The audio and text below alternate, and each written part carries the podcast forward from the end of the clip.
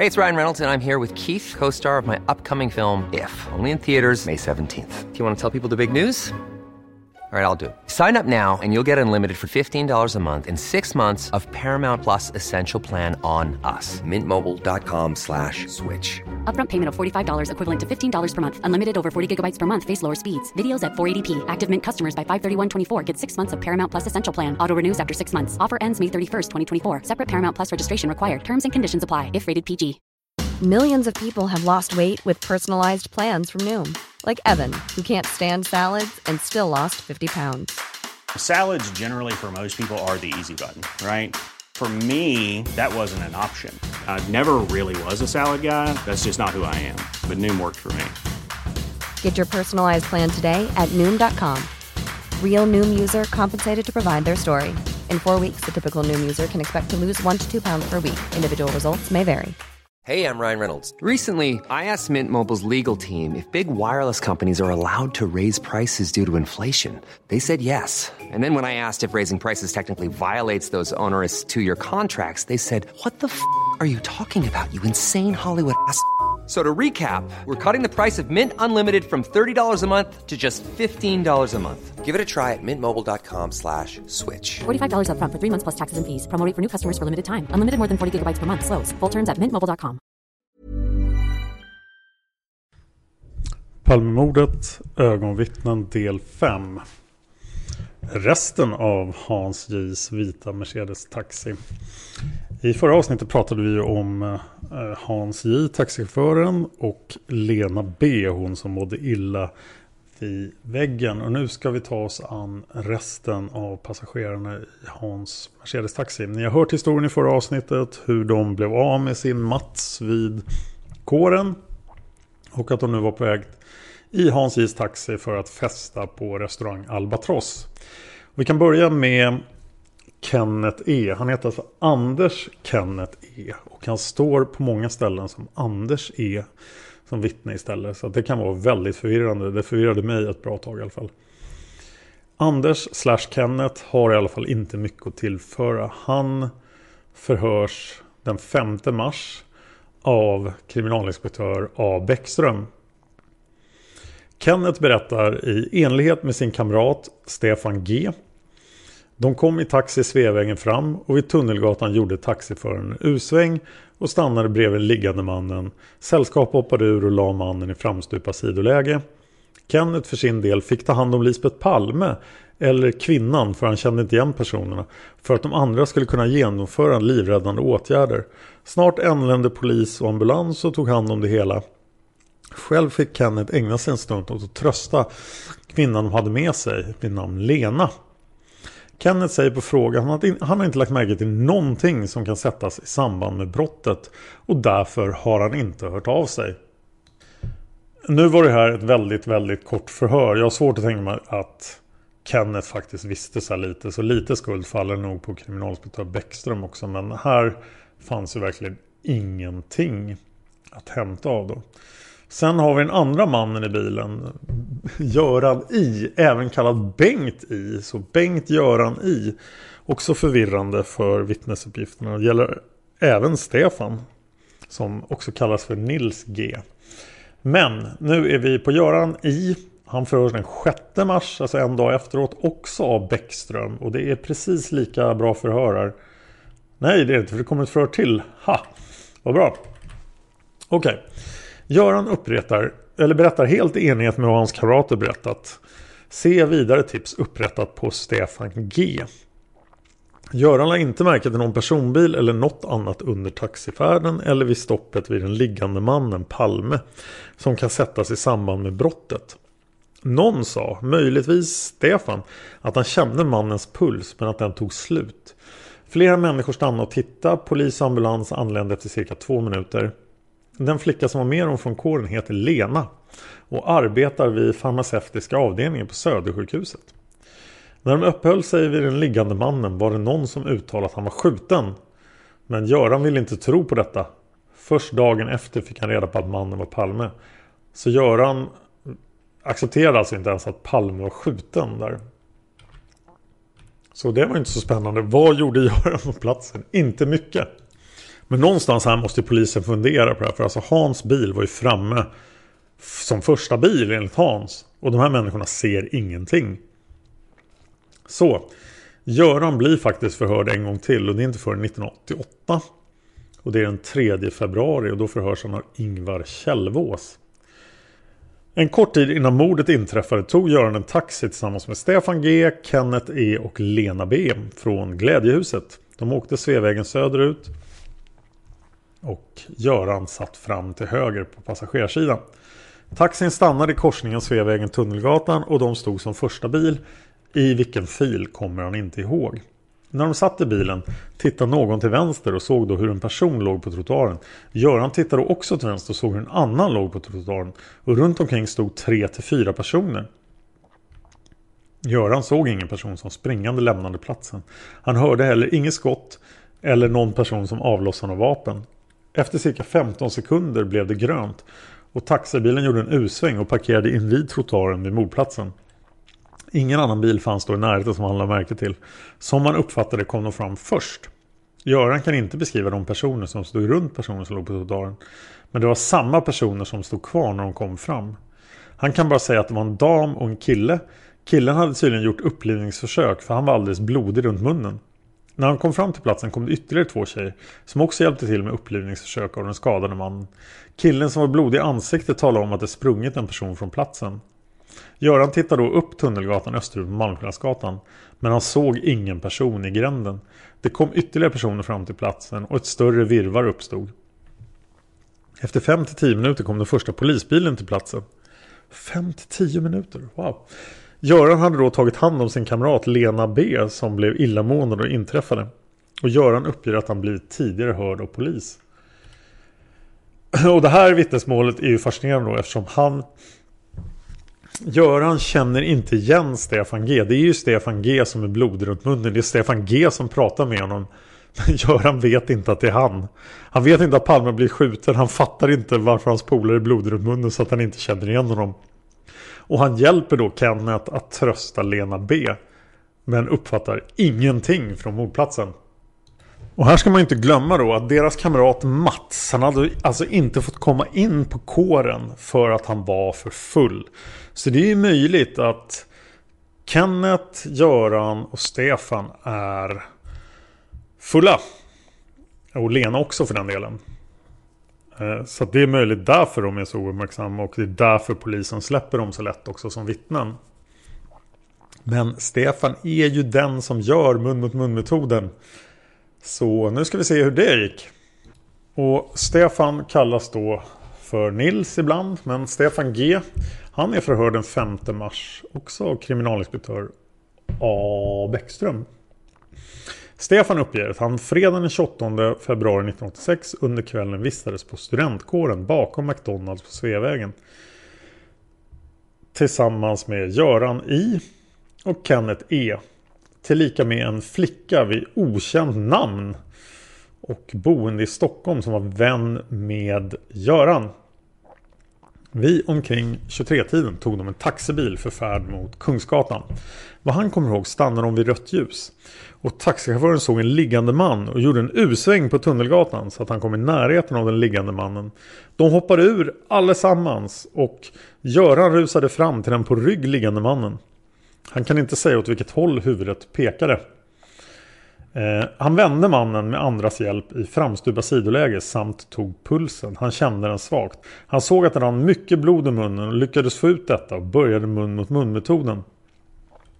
Samtidigt hade en flicka, senare identifierad som Anna H, kommit till platsen och började med hjärtmassage. De höll på med detta i vad Stefan beräknar cirka två minuter varefter ambulans kom till platsen och förde bort Olof Palme. Han säger vidare att han under färden dit eller i samband med stoppet inte såg någonting som kan gagna utredningen. Han har även diskuterat med sina kamrater och ingen av dem har heller sagt att de har sett eller lagt märke till någonting som kan sättas i samband med brottet. Eh, men polisen nöjer sig inte med det utan Stefan blir förhörd igen den 13 maj. Den 13 maj 1986 klockan 11.30 sammanträffar kriminalinspektör Lars Jonsson och Allan Bäckström med vittnet Stefan G som tidigare hörd anknyter till spaningsuppslag E17 i avsikt att utröna vilka personer som fanns invid den mördade Olof Palme och dennes hustru Lisbeth.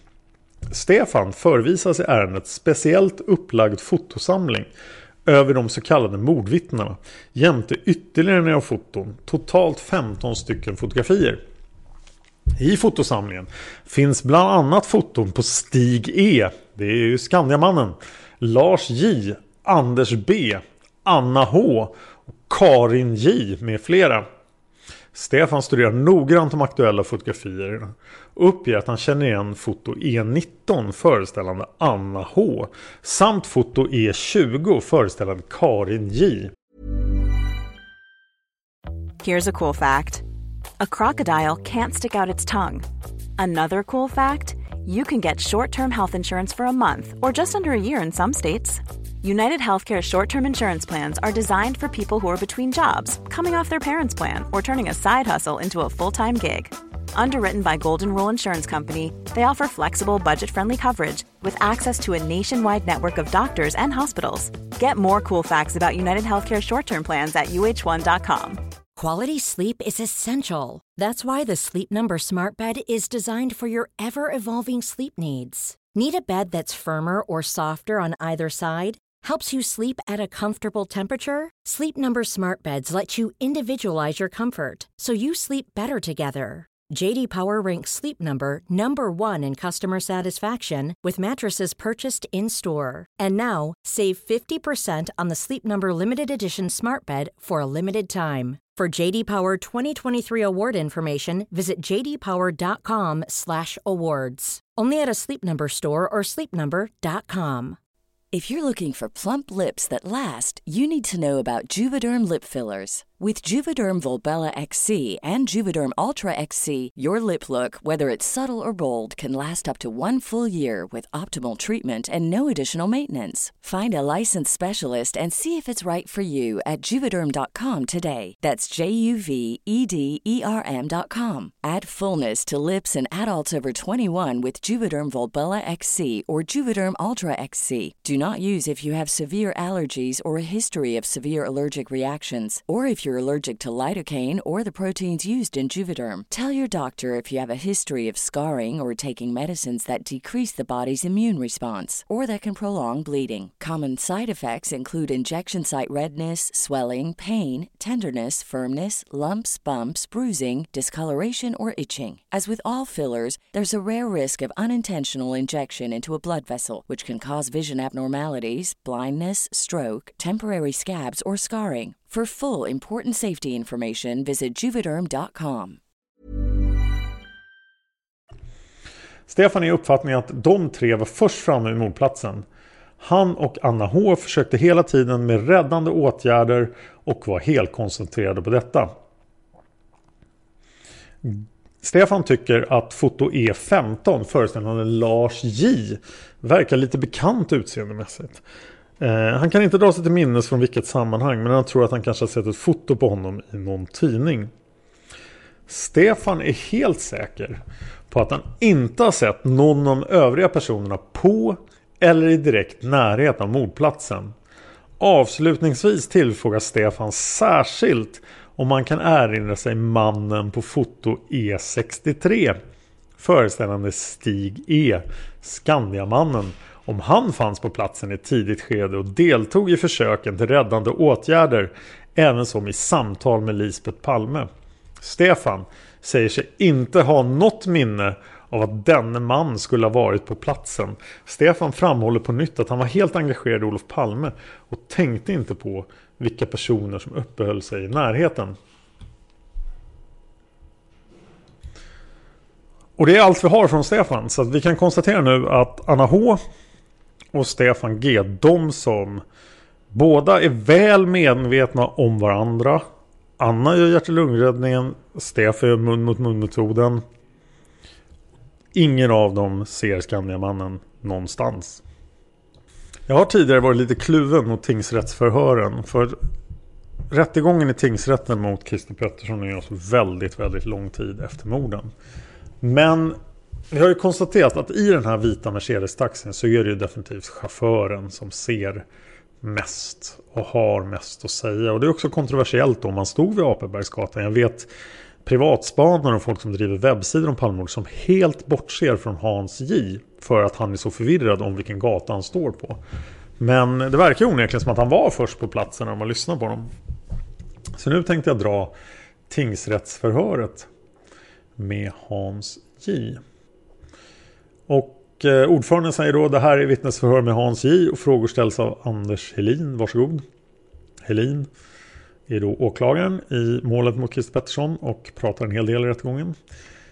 Helin, får jag först upplysa om jag har hört att Hans motsätter sig direktsändning i radio. Är det riktigt? Hans, ja. Ordförande, ja visst kan han väl få det, men vi vet ju att det kommer ut ändå. Sen säger någon som heter VT. Eh, Ja, det måste vara Hans. Jo då, men direktsändning vill jag inte vara med på. Ordförande, nähä. Då förbjuder vi alltså SHAB att använda den här upptagningen som nu görs under den tid som förhöret pågår. Varsågod Anders Helin. Helin. Ja, Hans, du var tydligen på Sveavägen den 28 februari 1986 på kvällen när det hände saker där nere. Hans, jo det var jag. Helin. Ja, ska du berätta vad du kommer ihåg och vad du gjorde och sådana saker? Hans, ja jag sitter i en taxibil och ska åka ner till restaurang Albatross med några kunder.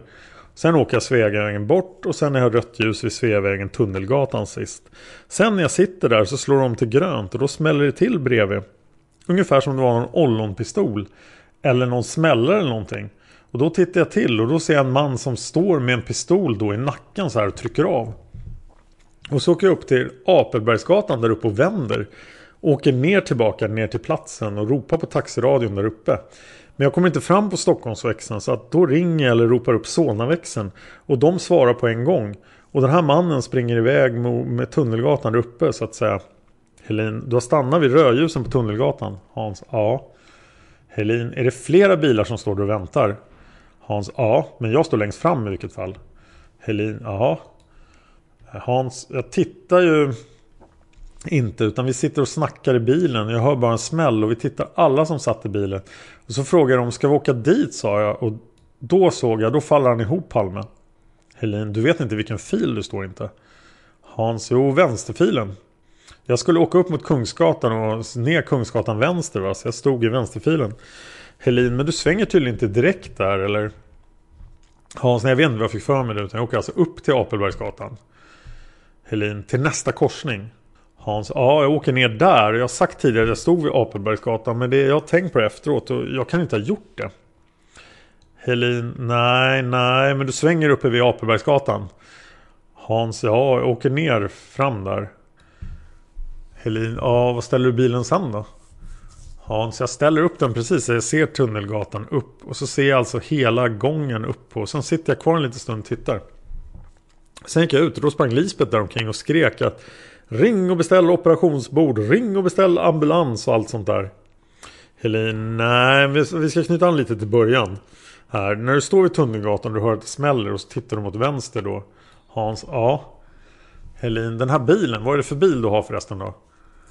Eh, Hans, ja det är en Mercedes, en vit Mercedes. Helin, en vit Mercedes ja. Och du hade hur många passagerare? Hans, jag tror att jag hade två eller tre stycken i. Jag minns inte riktigt hur många det var, men det var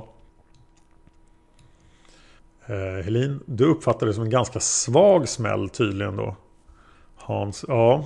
Det var en slags, som man säger, en ollonpistol eller vad som helst. Som man, I och för sig så sitter vi där i bilen och vi sitter och snackar och sådär. Helin, det kan väl...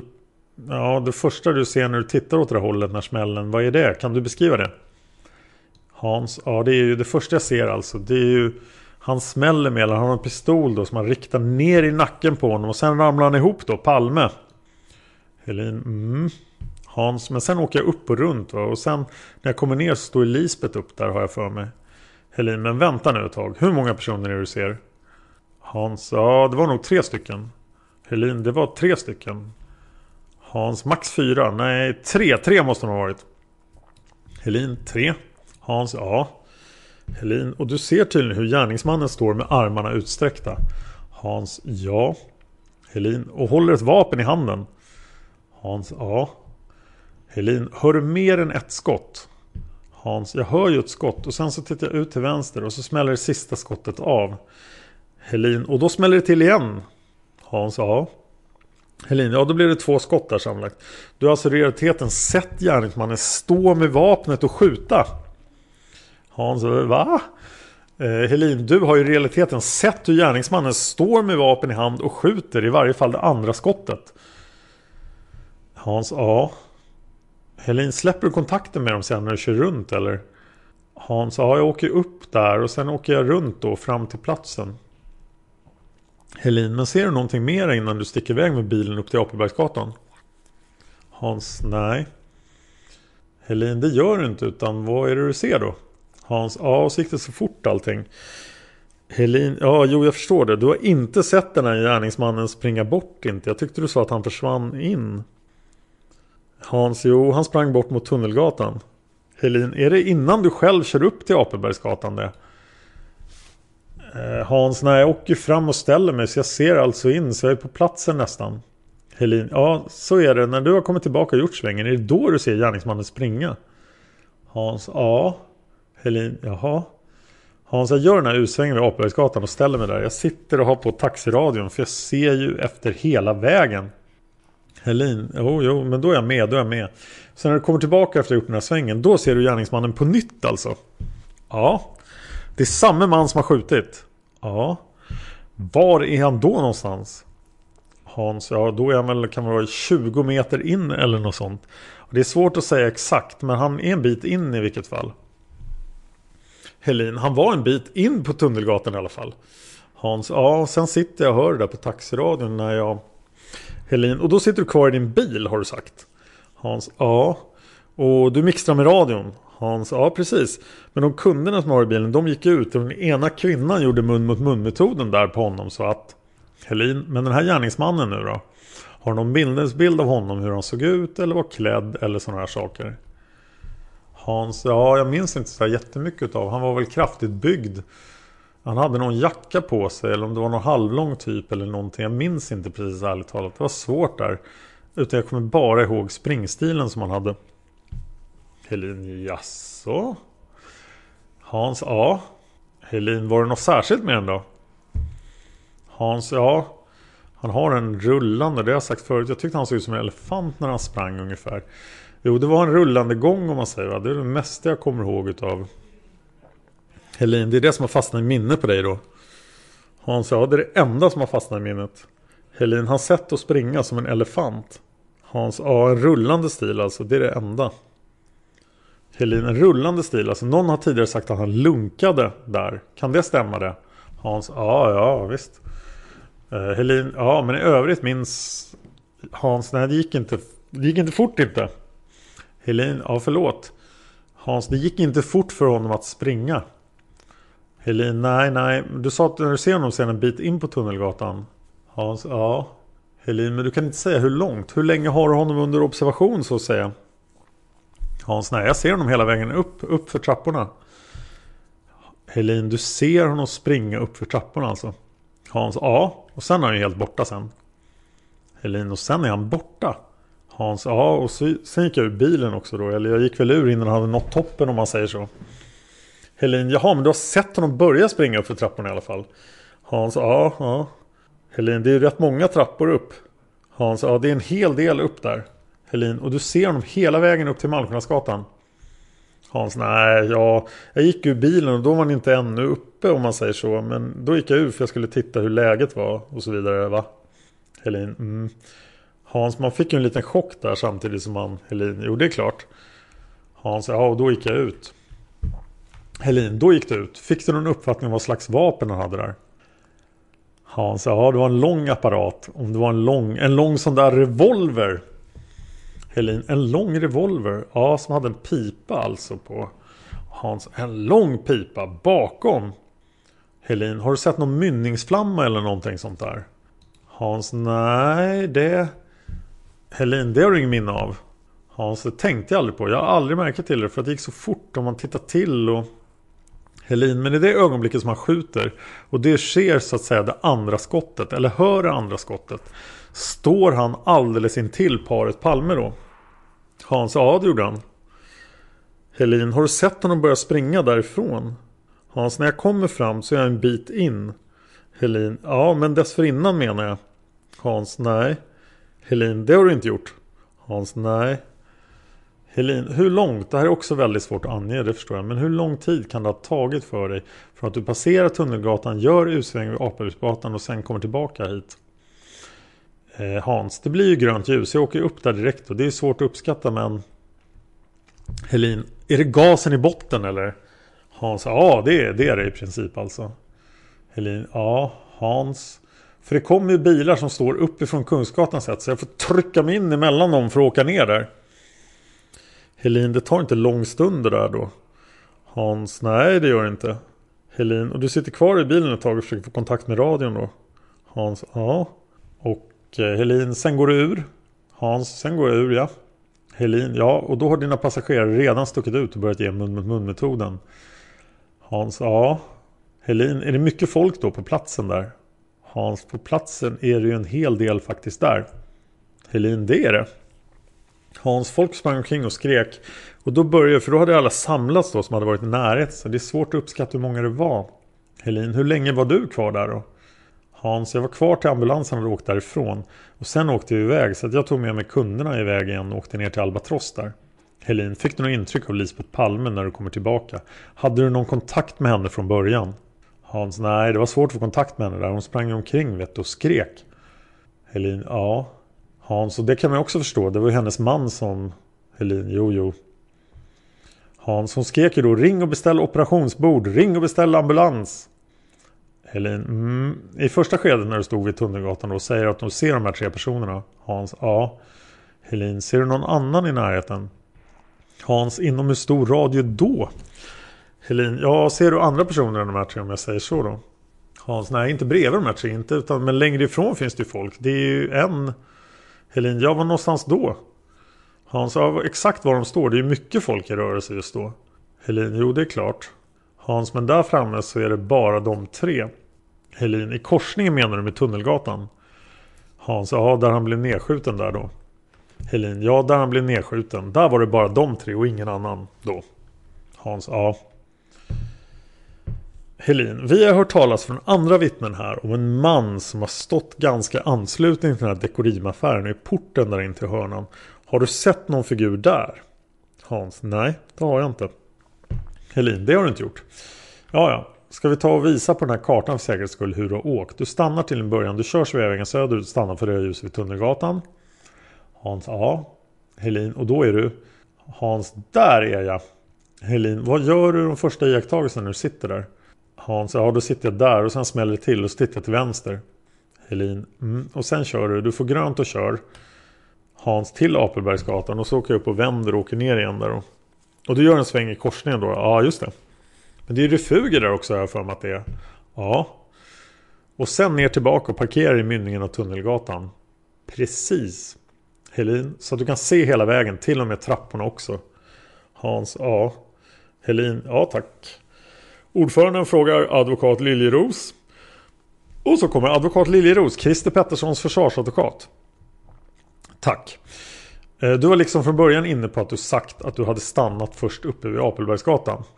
Hans, ja, men jag kom på mig själv efteråt och sa att det var fel.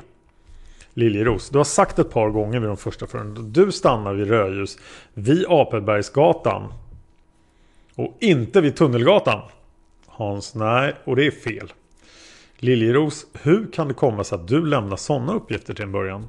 Hans, jag vet inte men det, det har jag kommit på mig själv efteråt. Jag har suttit och åkt Sveavägen efteråt där och kommit på mig själv att jag kan inte ha stått där uppe utan jag måste alltså ha haft grönt ljus, åker upp och vänder och åker ner tillbaka.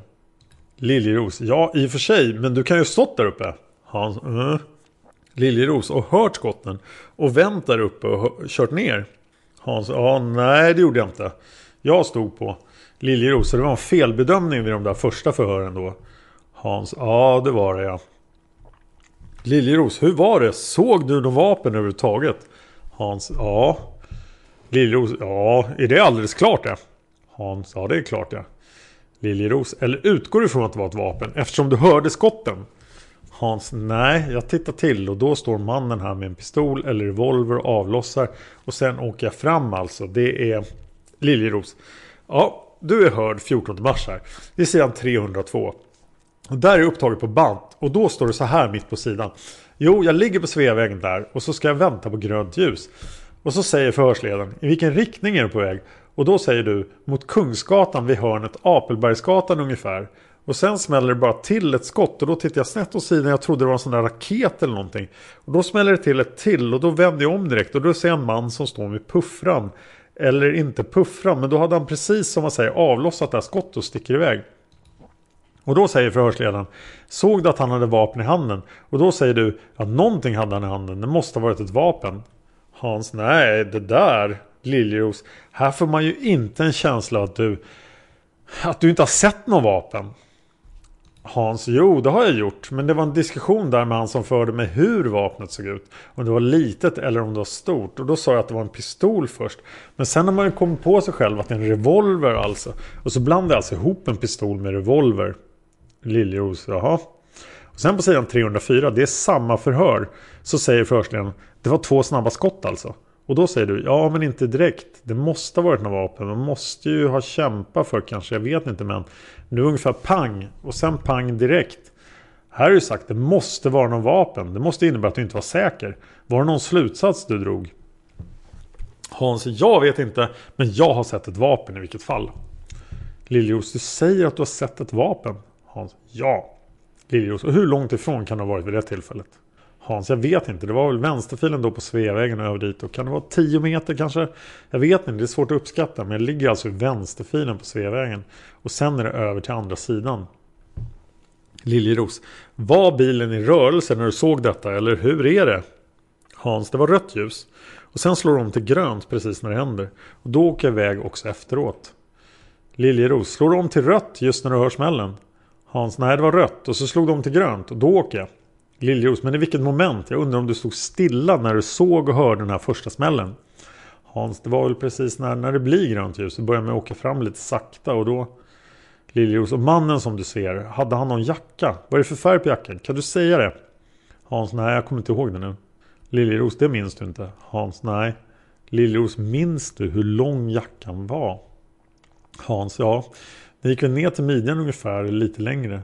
Jag kommer inte riktigt ihåg hur den såg ut. Det är svårt, det är jättesvårt så här långt efteråt tycker jag. Liljeros, du såg det här under ett kort ögonblick. Hans sa just det. Och jag menar, jag har svårt med det här med utseende och kläder. Jag menar man tappar ganska mycket på de här åren som har gått också. Liljeros, och huvudbonad. Kunde du säga någonting om det? Hans, ja om det var något mörkt på huvudet i vilket fall. Liljeros, kan ha varit utan huvudbonad och hade mörkt hår? Hans, nej jag minns inte. Liljeros. Sen fortsätter du, kör tydligen upp till Apelbergsgatan och vänder där. Hans, ja. Liljeros. Och så kör du tillbaka och stannar ungefär var då? Hans, på platsen menar du där det hände? Liljeros, ja. Hans, jag stannar alltså mitt emellan så att jag ser alltså in på Tunnelgatan på något sätt kan man säga. Liljeros, och då talar du om att du ser någon man. Hans, ja. Liljeros, som skulle ha befunnit sig ungefär var då? Hans, ja när jag kommer fram så är jag en bit inne i gången på Tunnelgatan in. Liljeros, var det inte framme vid trapporna där som går upp till Malmskillnadsgatan? Hans, jag minns inte exakt hur långt innan var för jag satt ju och då menar jag ju framme ganska snabbt på platsen där. Så han springer alltså upp för trapporna. Liljeros, det här med trapporna är alltså någonting som du är rätt säker på. Hans, ja... Eh, Liljeros, det var ju så att det var ganska mörkt där i hörnet av Luntmakargatan, Tunnelgatan. Hans, ja. Liljeros. Det är det ju faktiskt. Det är mörkt. Kan det ha varit en annan man som springer upp där? Hans. Ja, det kan det ha varit, men jag tvivlar på det. va? Nej. Liljeros, det är ju ett långt avstånd. Det är ju meter eller någonting i den stilen. Hans, men i och för sig sitter jag alltså och ropar i taxiradion. Liljeros, det är mer än 75 meter trapporna. Det är 100 meter drygt till trapporna. Hans. Men jag sitter alltså och ropar på taxiradion så jag är fullt sysselsatt med det där också. Så att kunna bedöma alltså exakt hur långt innan var det är omöjligt. För jag sitter och ropar på Stockholmsväxeln och sen på Solnaväxeln. Liljeros. Men dina svar måste väl innebära att det kan ha varit en annan person än den som sköt. Hans, jag vet inte. Det är 50-50 i sådana fall med 50% på det. Liljeros. Ja, tack. Ordföranden, du berättade om Lisbeth Palme som först säger du att hon sprang omkring och skrek att vi måste beställa operationsbord, vi måste beställa ambulans. Med vad det betyder kan man förstå eller något sånt där. Hans. Ja. Ordföranden, kan du förklara lite mer om hennes uppträdande? Hans. Det är väl det att jag minns ifrån henne att hon sprang omkring eller ute på Sveavägen nästan i princip och gapade och skrek. Ordföranden. Eh, bedömde du Lisbets uppträdande som onaturligt på något vis? Hans, nej. Jag förstår henne fullständigt. Jag menar om hennes man har blivit nedskjuten och då skulle vilken människa som helst bli sådär. Ordföranden, uppträdde hon förvirrat på något vis? Hans, ja. Man fick ingen kontakt med henne alls tyckte jag. För jag gick fram då och tittade och försökte snacka lite grann med henne också. Men det gick ju inte alls. Så det... Ordföranden, vad ville du prata med henne om? Hans, nej man tyckte synd om människan i fråga som springer omkring där du behöver ha någon att prata med. Ordföranden, de där yttranden Såg du det mera som en omtanke om eh, Hans? Ja, det är väl en naturlig grej som man har man. Ordföranden, jaha, tack. Helin vaknar till liv. Ja, den här mannen som springer nu. När du först får se honom ha ställt bilen där vid Tunnelgatan. Då är han en bit in, eller hur? Hans, ja. Åklagaren Helin, sen följer honom. Hans, ja. Helin, upp för trapporna. Springer han kontinuerligt hela tiden? Hans, ja, jag minns om han sprang hela vägen. Nej, jo, nej. Jo, jag minns ifrån det här att det var stilen han sprang och det är det enda jag kommer ihåg just nu hur det är med det. Helin. Ja, då har du fäst dig vid ja. Du har sagt tidigare ser du den 14 mars vid förhöret som försvararen var inne på sidan 103 något ovanför mitten så har du fått frågan av förhörsledaren. Så när du hörde det andra skottet då vänder du runt med bilen och dina passagerare och du svarar Ja, jag åkte fram direkt dit och sen så började jag ropa efter taxiväxeln direkt. När jag sitter i bilen ser jag att han springer. Då har han 25 meter in. Han vänder sig om och tittar om det kommer någon snett bakom. Men jag hinner aldrig se ansiktet på honom. Han vänder sig om snabbt och så springer han vidare bara. Väcker det här några minnen till livs? Hans, nej. Det minns jag inte idag, idag alls. Det minns jag inte att jag har sagt. Helin, det minns du inte idag. Men kan du ha sagt det på det sättet tror du? Det är ju ett bandinspel förhör. Det är ett bandinspelat förhör med dig. Hans, jag vet inte. Jag kommer inte ihåg det alls idag. Helin, du kommer inte ihåg det idag i alla fall. Hans, nej. Helin, nej. Sen har du sagt lite längre fram i samma förhör, sid 307 i mitten. Du får frågan. Såg du klart och tydligt att den här personen som sprang från platsen hade ett vapen? Och då säger du någonting hade handen, handen i alla fall. Och så reciterar Helin ett väldigt långt stycke här. Eh, och sen slutar han med Hur är det med det där? Var det samma person som du såg springa som du såg skjuta? Hans Ja, som sprang in. Jo, jo, det gör jag. Helin Ja, det gör du. Hans, men det var just det här med trapporna. Den sista biten som jag menar, jag ser ju ganska långt. Men det är ju som sagt jag sitter ju alltså med taxiradion. Och sitter och snackar med den samtidigt också. Man kanske släpper blicken lite grann där något också. Helin. Och sen har du också vid det här förhöret på sin 305 överst, då har du fått frågan hur lång tid har du kontakt med honom tills han blivit uppslukad i mörkret eller släpper honom tidigare? Det är alltså den springande mannen i frågan om. Och då skulle du ha svarat Nej, jag ser honom ju i trapporna där borta tills han springer upp för åtminstone tre trappor. Eh, Hans, nej, tre steg, det är nog högre upp. Helin, men idag minns du att han har sprungit längre upp för de här trapporna tydligen. Hans, ja då. Helin, ser om det är någon annan som springer efter honom där. Hans, nej jag har hört att det var några som har sprungit efter men jag har inte sett det i alla fall. Helin, du har inte sett det? Hans, nej. Helin, nej, okej, okay, tack. Ordföranden, ja. Jag har uppfattat att du till advokat Liljeros har sagt att det är 50-50% chans. Och att du nu återgår till 100. Hans, nej. Men det var ju den där biten där inne. Det var ju någonting som jag hade sett hans sista biten bort över trapporna. Men det är ju fel där alltså. Jag ser en 20-30 meter in och sen springer han bort. Så att det är samma man, det är jag helt säker på. Men det är svårt, det är jättesvårt. Och det... Ordförande, ja, ja, vi förstår det. Men jag ville fråga för tydlighetens skull. Hans, och jag förstår det. Ordföranden, ville advokat Liljeros ställa några ytterligare frågor om detta? Liljeros, ja, en fråga. Det är ju faktiskt så att det är uppåt 100 meter fram till trapporna där inne från Tunnelgatan. Det var mörkt då på platsen och dessutom var det arbetsbaracker och sånt. Hans sa, ja det var en på höger sida. Liljeros, det kan inte vara möjligt påstå att du kan ha sett påstått eller säga att det var samma man vid trapporna som du såg ifrån början här på Sveavägen. Hans, det är ju inte becksvart utan det är ju Liljeros, men det var bra skumt i alla fall. Hans, ja. Liljeros, bra mörkt det var det faktiskt. Hans, ja det är svårt. Jag tycker det är jättesvårt allting. De har tänkt och tänkt och tänkt de här tre åren själv. Man har försökt laborera själv. Hur var det? Vad har jag sett? Vad har jag gjort? Och så vidare. Liljeros, vet du vilken sida som vederbörande sprang förresten? Hans ja, vänster sida. För det var en barack på höger sida. Liljeros, men idag, jag har inte fattat. Jag fattar dina svar ändå som att du inte bestämt kan påstå att det är samme man. Hans som springer in i Tunnelgatans mynning. Det är samma man som avlossar skotten, det är jag säker på. Men sen om man kan ha svängt till höger någonting och sen att det här, om det nu är så enormt att han svänger till höger eller vänster Luntmansgatan. Och sen att det dyker upp någon ny människa som springer upp för trapporna. Det tvivlar jag på. Hej, it's Danny Pellegrino from Everything Iconic.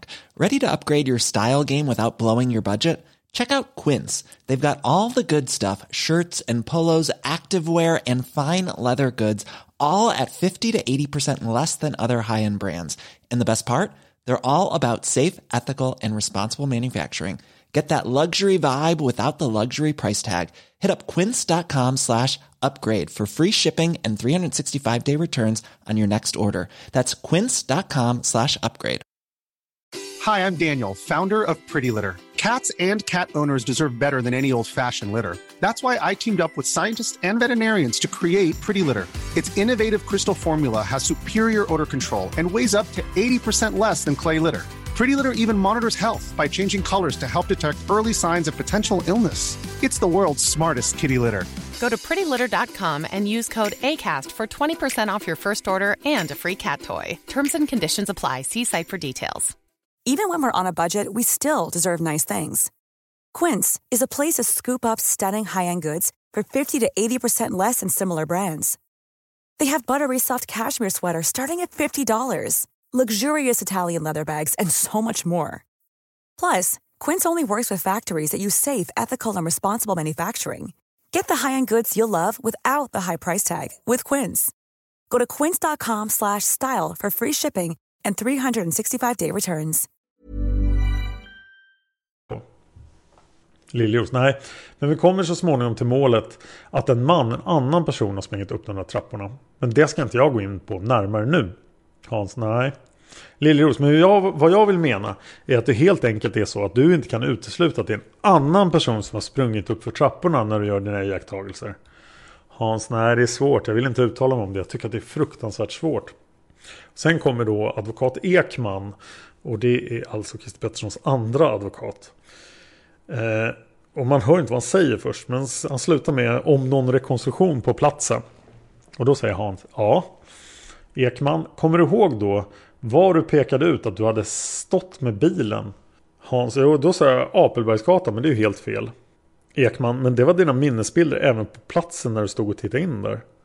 Ja, när du är där på platsen och du beskriver för polisen var du hade stannat och kört. Då ville du minnas att du hade stannat vid trafikljusen på Apelbergsgatan. Han sa just det. Men jag har tänkt på det. Jag har åkt samma sträcka. Jag har lagt märke till det. Jag kan inte ha stått där uppe. Jag måste ha stått på Sveavägen Tunnelgatan. Jag kan ju sitta här och ljuga och säga att jag sitter på Apelbergsgatan. Men jag har inte gjort det. Så jag menar det är bättre att säga som det är istället tycker jag. Ekman, ja, tack. Ordföranden, betyder detta sista att du såg till vänster, precis rakt till vänster om dig när du såg de här tre personerna? Hans, ja. Ordförande, och inte snett bakåt alltså. Hans, nej precis. Jag sitter precis, jag har alltså ordförande. Ja, då är förhöret avslutat. Och ja, som jag sa tidigare, många är skeptiska till Hans vittnesmål. Och eh, han, han velar fram och tillbaka där de olika förhören. Men jag tycker det här är väldigt illustrativt just för hur lite man kommer ihåg efter tre år. Kom också ihåg att i konfrontationen då som jag tror var med 33-åringen så reagerade ju Hans på honom. Och han sa ju också tidigare för att han skulle känna igen gärningsmannen. Nu har inte jag hittat några uppgifter om det men Hans finns ju inte med som ett av vittnena som har pekat ut Christer Pettersson. Så att eh, all, med all rimlighet så borde han ha konfronterats med Christer Pettersson. Och han har inte pekat ut Christer Pettersson trots att han då sa att han skulle känna igen gärningsmannen.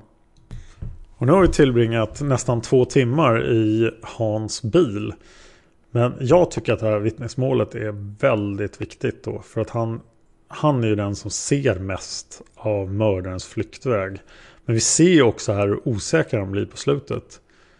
Så att det här vittnesmålet kan nog användas för att dra en massa slutsatser om man så vill. Men det är ju så mycket med Palmemordet att om man har en hypotes om hur mordet gick till och så vidare så kan man dra väldigt många olika slutsatser beroende på sin egen hypotes. Det vill säga det finns så mycket uppgifter i det här målet att man kan komma fram till en massa olika saker beroende på vad man vill komma fram till. Det är därför också jag själv tycker att det är så viktigt att jag inte tror saker. Utan att jag bara säger saker. Eh, så att ni får dra era egna slutsatser. Nästa gång vi tar upp ögonvittnen ska vi be oss till den tredje bilen. Som är Leifs L stora gråsvarta Chevrolet Suburbian.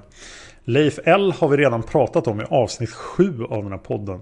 Men det finns en till man i bilen. Jag vill jättegärna ha iTunes-recensioner. Jag kommer att läsa iTunes-recensioner i ett kommande avsnitt snart. Eh, ge mig iTunes-recensioner om ni kan. Det är ett jätte... det andra sätt att stödja den här podden utan att skänka pengar är att dela med sig av den till andra som kan vara intresserade av Palmemordet. Dela med er av Facebook-sidan, dela med er av själva podden, dela med er av YouTube-kanalen Palmemordet. För Palmemordet finns ju på YouTube och på Facebook. Jag finns på Twitter som Dan Horning.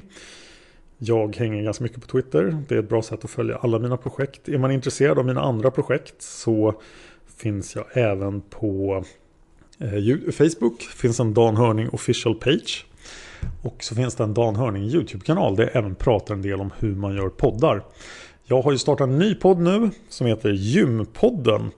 Det vill säga jag går till gymmet och har en tränare där som är den som säger massa saker i avsnitten. Så att avsnitten handlar om vad har jag, hur har det gått för mig, hur mycket väger jag, hur mår jag och så vidare. Och sen tar hon sig an ett ämne och hon är fantastiskt duktig. Äger ett gym då och Eh, utbildad på allt möjligt. Så att eh, det är hon som är behållningen i den podden. Kolla upp Gympodden. Jag bör även när ni hör det här ha startat en podd som heter Hard Nerd Café.